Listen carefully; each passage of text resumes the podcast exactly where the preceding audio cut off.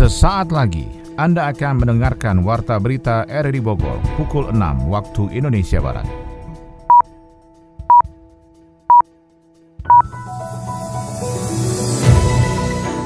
Selamat pagi dan salam jumpa. Kami kembali menyampaikan warta berita untuk edisi hari ini, Jumat 8 Oktober 2021, yang bisa Anda dengarkan selain lewat RRI, bisa Anda dengarkan lewat aplikasi RRI Play di perangkat smartphone Anda, dan disiarkan juga Radio Tegar Beriman Kabupaten Bogor. Berikut kami sampaikan berita utama tentang Polresta Bogor Kota mengamankan sejumlah pelaku penganiayaan seorang pelajar hingga meninggal dunia tiga peristiwa kebakaran terjadi dalam satu hari di Kabupaten Bogor. Ratusan budayawan Jawa Barat menggelar aksi unjuk rasa menolak sejumlah wahana wisata di Kebun Raya Bogor. Saya Maulani Sarto, inilah Warta Berita selengkapnya.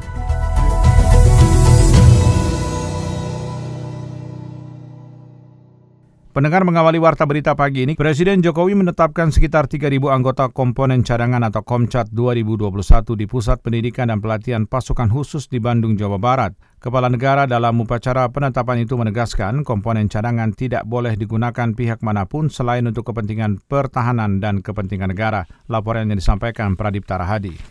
Dengan mengucap Bismillahirrahmanirrahim, Sebanyak 3.103 orang anggota komponen cadangan secara resmi telah ditetapkan oleh Presiden Joko Widodo dalam upacara penetapan komponen cadangan tahun 2021 di Pusat Pendidikan dan Pelatihan Pasukan Khusus di Bandung, Jawa Barat. Mereka secara resmi mendaftar untuk mengikuti proses seleksi dan pelatihan dasar kemiliteran secara sukarela. Dalam amanatnya, Presiden Joko Widodo menegaskan komponen cadangan untuk pendukung militer negara hanya dapat digunakan untuk kepentingan pertahanan negara dengan di dimobilisasi oleh Presiden melalui persetujuan DPR dan dikendalikan oleh Panglima Tentara Nasional Indonesia. Komponen cadangan menurut Kepala Negara akan semakin memperkokoh sistem pertahanan dan keamanan rakyat semesta Indonesia. Dimobilisasi oleh Presiden dengan persetujuan DPR yang komando dan kendalinya berada di Panglima TNI. Artinya, tidak ada anggota komponen cadangan yang melakukan kegiatan mandiri. Perlu saya tegaskan, komponen cadangan tidak boleh digunakan untuk lain kecuali kepentingan pertahanan. Komponen cadangan hanya untuk kepentingan pertahanan dan kepentingan negara. Penetapan komponen cadangan ini akan semakin memperkokoh sistem pertahanan dan keamanan rakyat semesta kita. Presiden Jokowi juga menyebut bahwa pemerintah terus melakukan modernisasi alutsista secara menyeluruh di semua matra Tentara Nasional Indonesia, yaitu Angkatan Darat, Angkatan Laut, dan Angkatan Udara, demi mendukung pertahanan dan keamanan rakyat Indonesia. Pada saat yang sama pemerintah melakukan modernisasi alutsista secara menyeluruh pada semua matra, darat, laut, dan udara.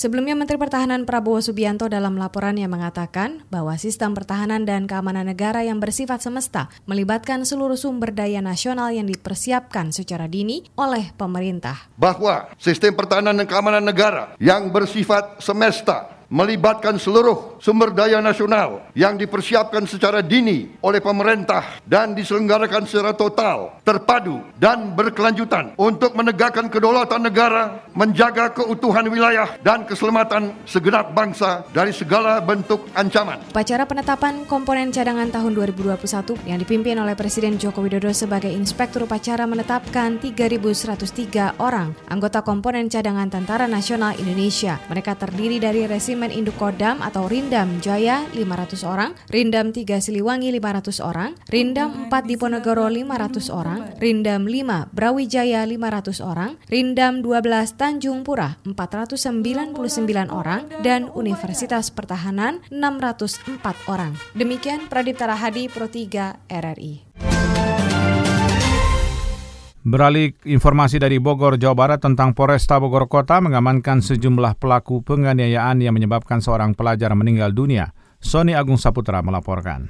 Polresta Bogor Kota mengungkap aksi kekerasan oleh kelompok yang terjadi pada hari Rabu kemarin ya, pada tanggal 6 Seorang pelajar berinisial R meninggal dunia akibat pengeroyokan di kawasan Tegalega, Bogor Utara, Kota Bogor, Rabu malam. Catatan RRI kejadian itu terjadi beberapa hari setelah pembelajaran tatap muka PTM kembali berlangsung di Kota Bogor. Dalam kejadian itu pelajar R dikeroyok oleh sekelompok pemuda yang di antaranya pelaku berinisial RA. Pengeroyokan itu terjadi setelah sebelumnya korban dan pelaku terlibat cekcok di media sosial. Kapolresta Bogor Kota Kombes Pol Susatyo Purnomo Condro mengatakan pasca kejadian yang menyebabkan korban jiwa R, pihaknya langsung melakukan pengejaran kepada pelaku. Setelah sekitar 7 jam kejadian tersebut, tim Kujang Polresta Bogor Kota berhasil menangkap pelaku RA dan temannya. Polresta Bogor Kota mengungkap aksi kekerasan oleh kelompok yang terjadi pada hari Rabu kemarin ya, pada tanggal 6 Oktober sekitar pukul 21.00 di daerah Tegal Gundil, Bogor Utara dengan korban atas nama Muhammad Rizky 17 tahun pelajar meninggal dunia di lokasi dan hanya dalam waktu 7 jam setelah kejadian kami berhasil melakukan pengungkapan menangkap para pelaku dengan tersangka utama yaitu Rizky Agung 18 tahun pelajar warga Tanah Sereal dan juga ML umur 17 tahun. Sementara itu keluarga korban Noh Haidir mengaku tidak bisa menerima cucunya yang menjadi korban penganiayaan yang menyebabkan meninggal dunia. Pihaknya berharap agar polisi dapat menangkap pelaku yang menyebabkan cucu dari anak pertama dari tiga orang keluarganya itu harus meninggal di usia muda. Ya tentunya perlu penanganan yang lebih lanjut ya terus juga penyidikannya sebab saya punya keyakinan bukan satu orang aja pelaku utama karena kalau lihat dari luka dari mulai kepala kalau hukuman kan udah ada tentuan. Yang jelas kita minta dituntaskan semua termasuk rekan-rekannya yang memang yang membawa mereka ke sana karena mereka satu rombongan kan anak pertama dari tiga anak Hingga saat ini Polresta Bogor Kota masih mengembangkan kejadian tersebut dengan melakukan pemeriksaan sedikitnya 10 orang saksi yang mengetahui kejadian pengeroyokan maut itu. Dari tangan tersangka pelaku polisi menyita sejumlah barang bukti seperti senjata tajam yang dipergunakan saat melakukan aksi jahatnya.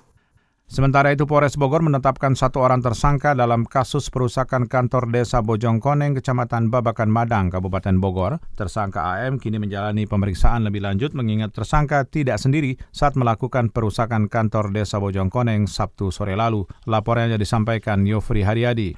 Nggak ada kaitannya si pemprotes ini dengan lahannya. Lahan yang digarap oleh Sentul City, ini lahan di RT 1 RW Polres Bogor menetapkan satu orang tersangka dalam kasus perusakan kantor desa Bojongkoneng, Kecamatan Babakan Madang. Satu tersangka adalah AM usia 40 tahun yang kini menjalani pemeriksaan lebih lanjut. Mengingat AM tidak sendiri saat melakukan perusakan kantor desa Bojongkoneng Sabtu sore lalu. Kapolres Bogor AKBP Harun menegaskan perusakan yang dilakukan tersangka tidak ada kaitannya dengan lahan garapan mereka. Lahan yang didoser adalah lahan Sentul City dan tersangka tidak memiliki kapasitas dan pemahaman yang akurat terkait lahan yang sedang dibuldoser itu. Kapol Polres Bogor itu pun tidak memberikan statement apa pun terkait surat perintah penghentian pengerjaan oleh BPN Kabupaten Bogor di lokasi.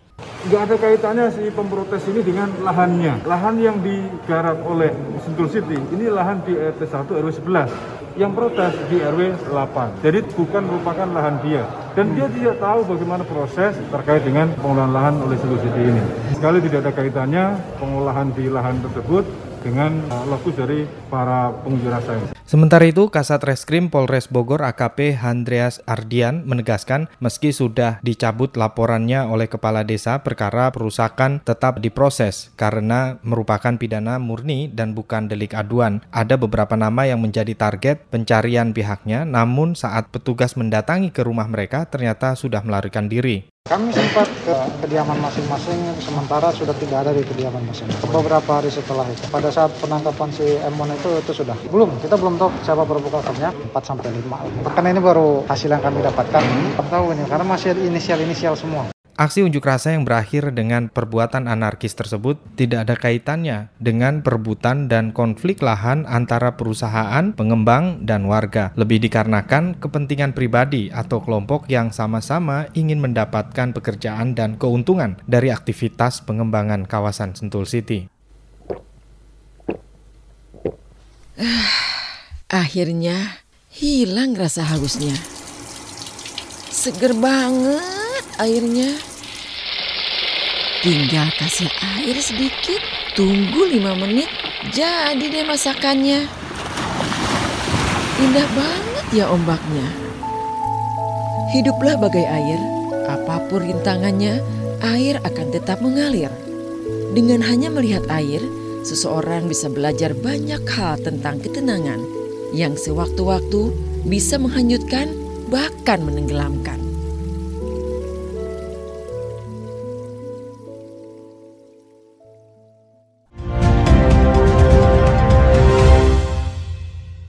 Ratusan budayawan Jawa Barat menggelar aksi unjuk rasa menolak sejumlah wahana wisata di Kebun Raya Bogor yang dianggap bertentangan dengan pelestarian seperti wisata malam Glow. Selengkapnya dilaporkan Sony Agung Saputra. Tuntutannya satu, kembalikan kebun raya kepada fungsinya. Hanya itu. Tidak Secara teknisnya apa tuh tentang Hah? terkait glow ini?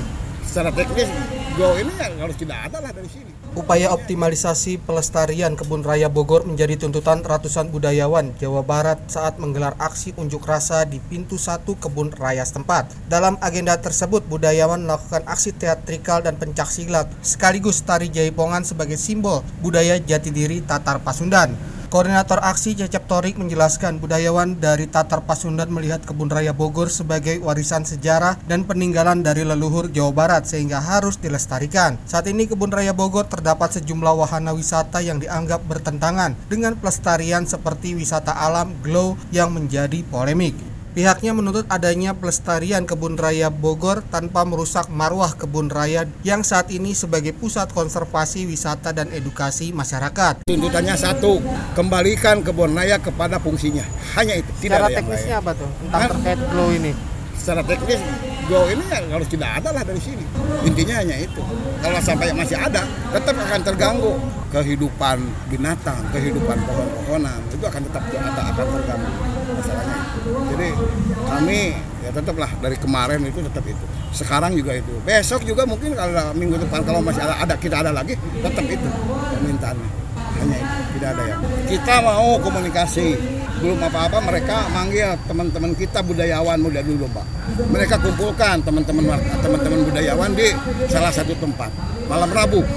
Kita mau demo ini malam Rabu udah teman-teman yang lain diundang dikumpulin. Sementara itu Kepala Dinas Pariwisata Kebudayaan Kota Bogor Atep Budiman mengaku pihaknya melakukan mediasi untuk menjembatani aspirasi budayawan kepada pihak pengelola Kebun Raya Bogor atau BRIN. Saat ini kajian dari pengelola Kebun Raya Bogor tentang pelestarian konservasi, edukasi dan wisata menjadi salah satu solusi yang dinantikan oleh seluruh kalangan agar bisa tetap menjaga marwah kebun raksasa di tengah Kota Bogor itu. Ini aspirasi ya terhadap perkembangan yang ada di dalam kebun raya. Sebetulnya kan dari pemerintah kota kan keberadaannya dan perhatian terkait dengan reaksi ini kan sudah disampaikan Pak Wali Kota ya satu minggu yang lalu atau dua minggu yang lalu waktu itu. Artinya kan beliau juga memang belum secara resmi dioperasi kan. Wali minta dulu dikaji lebih mendalam dari berbagai aspeknya ya, tidak hanya mungkin uh, aspek budaya saja, tapi semuanya ya. Tapi dari aspek konservasinya, aspek banyak Pak Wali bersinergi dengan BRIN dan e, eh, IPB ya. Mm-hmm. Cuman memang sampai saat ini kita belum tahu update-nya tuh hasil kajian tim itu seperti apa. Intinya yang disampaikan budayawan direspon, jadi kita bantu fasilitasi karena memang ranah kebun raya memang punya kewenangan sendiri kan di bawah BRIN dan LIPI gitu. Bagian dari perhatian warga Bogor, budayawan Bogor dengan cagar budaya yang ada di sini, kemudian situs-situs budaya yang ada di sini gitu. Ada aspirasinya tampung dan alhamdulillah aksinya teman-teman budayawan juga sangat-sangat kondusif. Selanjutnya pemerintah Kota Bogor juga akan mengawasi perjalanan operasional Kebun Raya Bogor sehingga tetap menjadi paru-paru udara bagi masyarakat Bogor dan sekitarnya sekaligus menjaga kelestarian budaya yang berada dalam kebun raya tersebut. Tiga peristiwa kebakaran terjadi dalam satu hari di Kabupaten Bogor. Yofri Haryadi melaporkan. Ini kami terima berita Peristiwa kebakaran harus menjadi atensi bagi masyarakat Kabupaten Bogor. Dalam satu hari ini tercatat ada tiga lokasi kebakaran di wilayah berbeda, yakni pabrik sabun PT Berkah Rosita Mandiri di Desa Kelapa Nunggal, Kecamatan Kelapa Nunggal, kebun bambu di Kelurahan Pondok Raje, Kecamatan Cibinong, dan sebuah bangunan pondok pesantren di Desa Cipayung, Girang, Kecamatan Megamendung, Bogor. Di Kampung Tegal, Desa Kelapa Nunggal, Kecamatan Kelapa Nunggal, Kabupaten Bogor, sebuah perusahaan sabun curah terbakar. Diduga akibat konsleting arus pendek. Petugas damkar Pos Cilengsi Bogor Muhammad Kafi menjelaskan untuk satu lokasi setidaknya dibutuhkan 8 unit mobil damkar yang didatangkan dari dua lebih pos damkar yang ada. Ini kami terima berita dari pesawat ada saat ini ada tiga lokasi satu di sini di Tapanunggal satu informasi dari di Pondok Raja satu lagi di.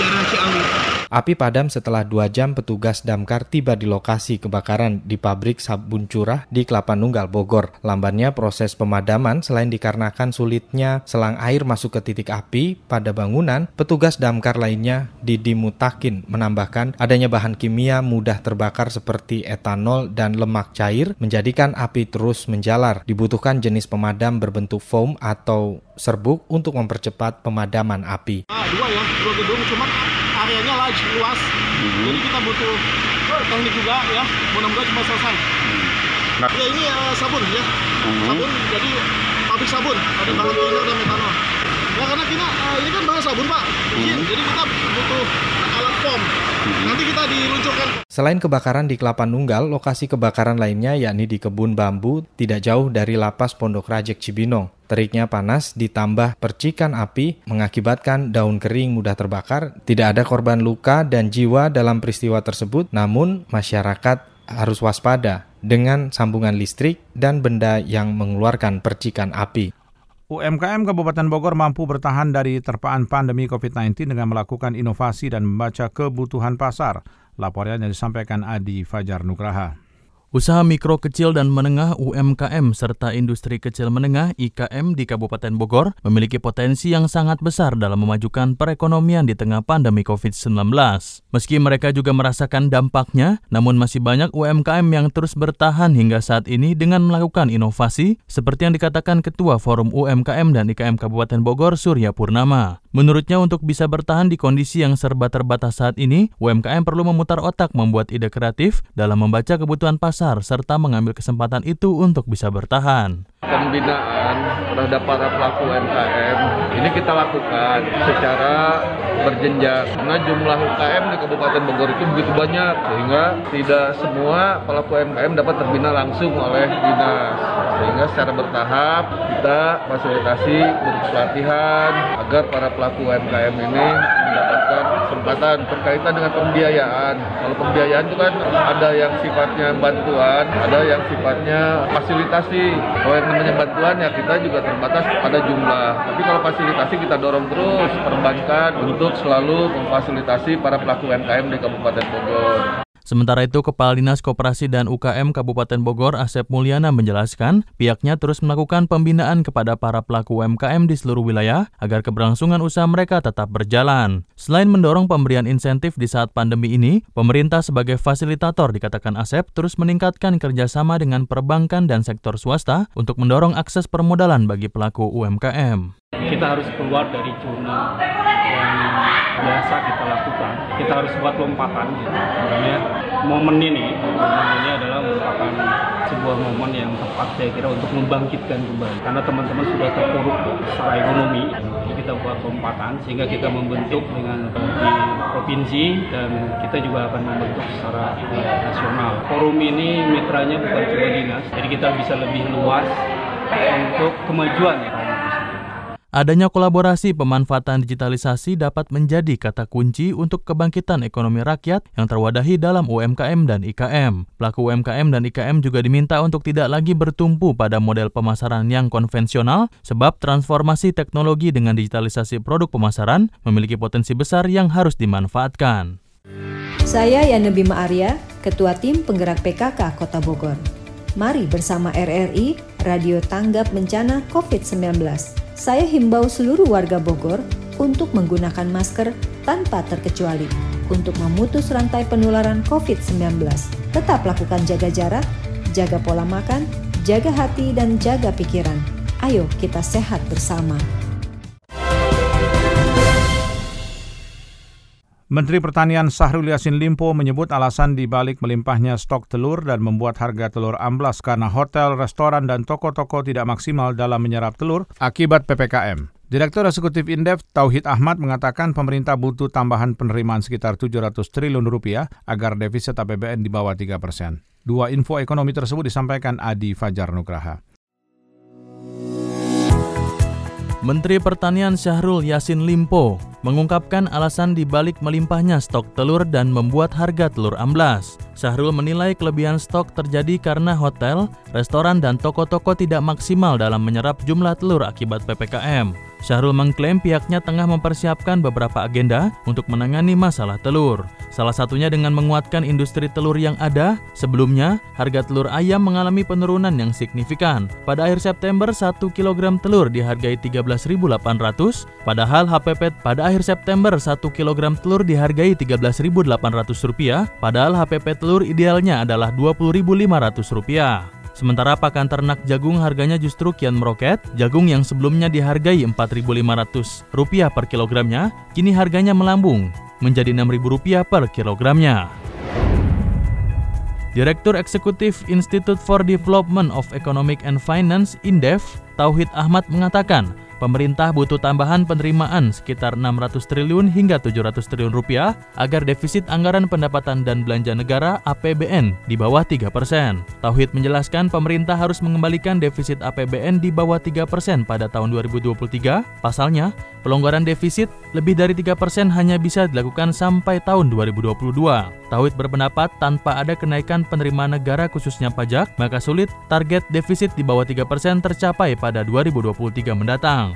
Ia memproyeksi defisit tetap akan melebar di atas 3% pada tahun 2023. Selain itu, konsumsi masyarakat juga masih cenderung rendah jika dibandingkan dengan belanja pemerintah, investasi, ekspor, dan impor. Data Badan Pusat Statistik menunjukkan konsumsi rumah tangga hanya tumbuh 5,93% pada kuartal 2 2021. Sementara konsumsi pemerintah melonjak 8,06 persen, investasi naik 7,54 persen, ekspor naik 31,78 persen, dan impor naik 31,22 persen.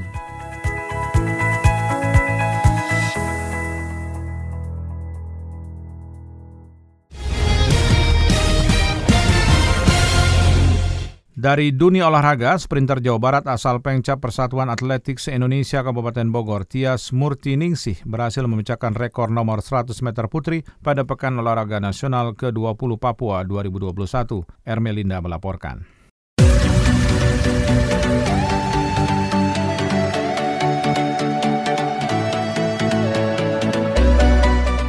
Sprinter Jawa Barat asal Pengcap Persatuan Atletik Seluruh Indonesia PASI Kabupaten Bogor Tias Murtiningsih berhasil memecahkan rekor nomor 100 meter putri pada Pekan Olahraga Nasional PON ke-20 Papua 2021 yang digelar di lintasan atletik gelanggang olahraga Gor Mimika Sport Complex Kabupaten Mimika pada hari Rabu 6 Oktober 2021.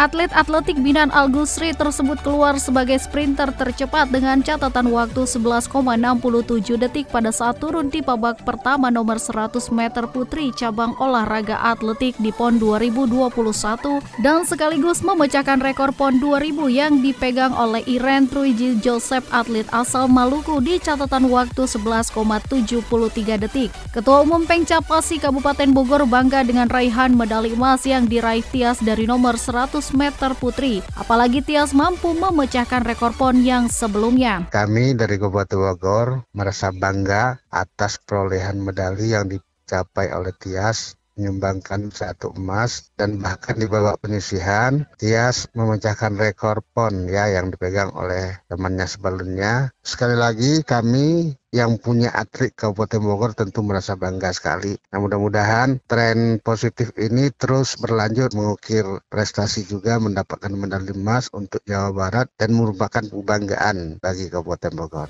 Al Gusri mengatakan Tias masih berpeluang menyumbangkan medali untuk Jawa Barat karena Tias masih akan bertanding di nomor 4 kali 400 estafet putri bersama tim Jawa Barat. Atlet atletik Kabupaten Bogor berpeluang untuk menambah pundi-pundi medali emas untuk Jawa Barat dari Hendroyap, Halomoan Binsar Siman Juntak, Raden Roselin Vika, Sumatro Weko, dan Westi Indah. Sementara itu Ayat Supriyatna juga kembali menyabet tiga medali emas pada Pekan Olahraga PON 2021 dari cabang olahraga Gantole. Keberhasilan Ayat menyabet seluruh medali emas yang dipertandingkan dalam cabang olahraga gantole rupanya menyimpan kisah haru dan pilu. Pasalnya sebelum bergabung dengan kontingen Jawa Barat untuk bertolak ke Papua, anak kedua Ayat yang baru lahir mengalami infeksi hingga harus dilarikan ke rumah sakit.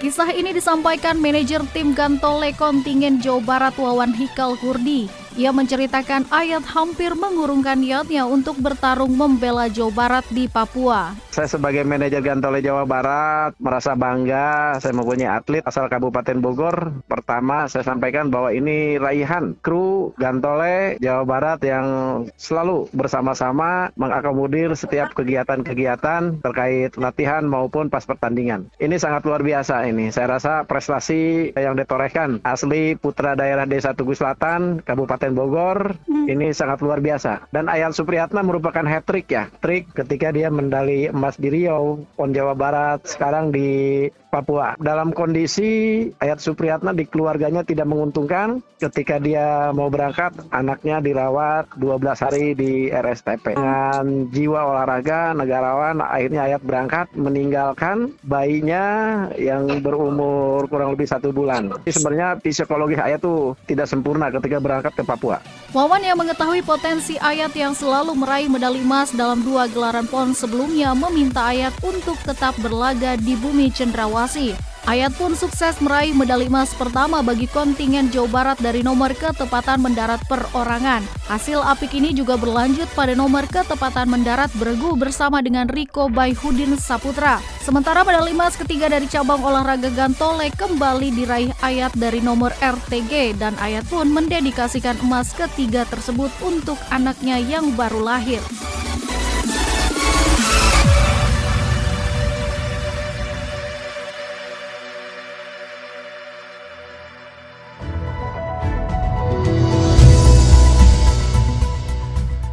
Demikian rangkaian informasi yang kami hadirkan dalam Warta Berita di edisi hari ini. Sebelum berpisah kami sampaikan berita utama. Polresta Bogor Kota mengamankan sejumlah pelaku penganiayaan seorang pelajar hingga meninggal dunia. Tiga peristiwa kebakaran terjadi dalam satu hari di Kabupaten Bogor. Mewakili kerabat kerja mertuga saya Maulana Sarto mengucapkan terima kasih atas perhatian Anda. Selamat pagi, sampai jumpa.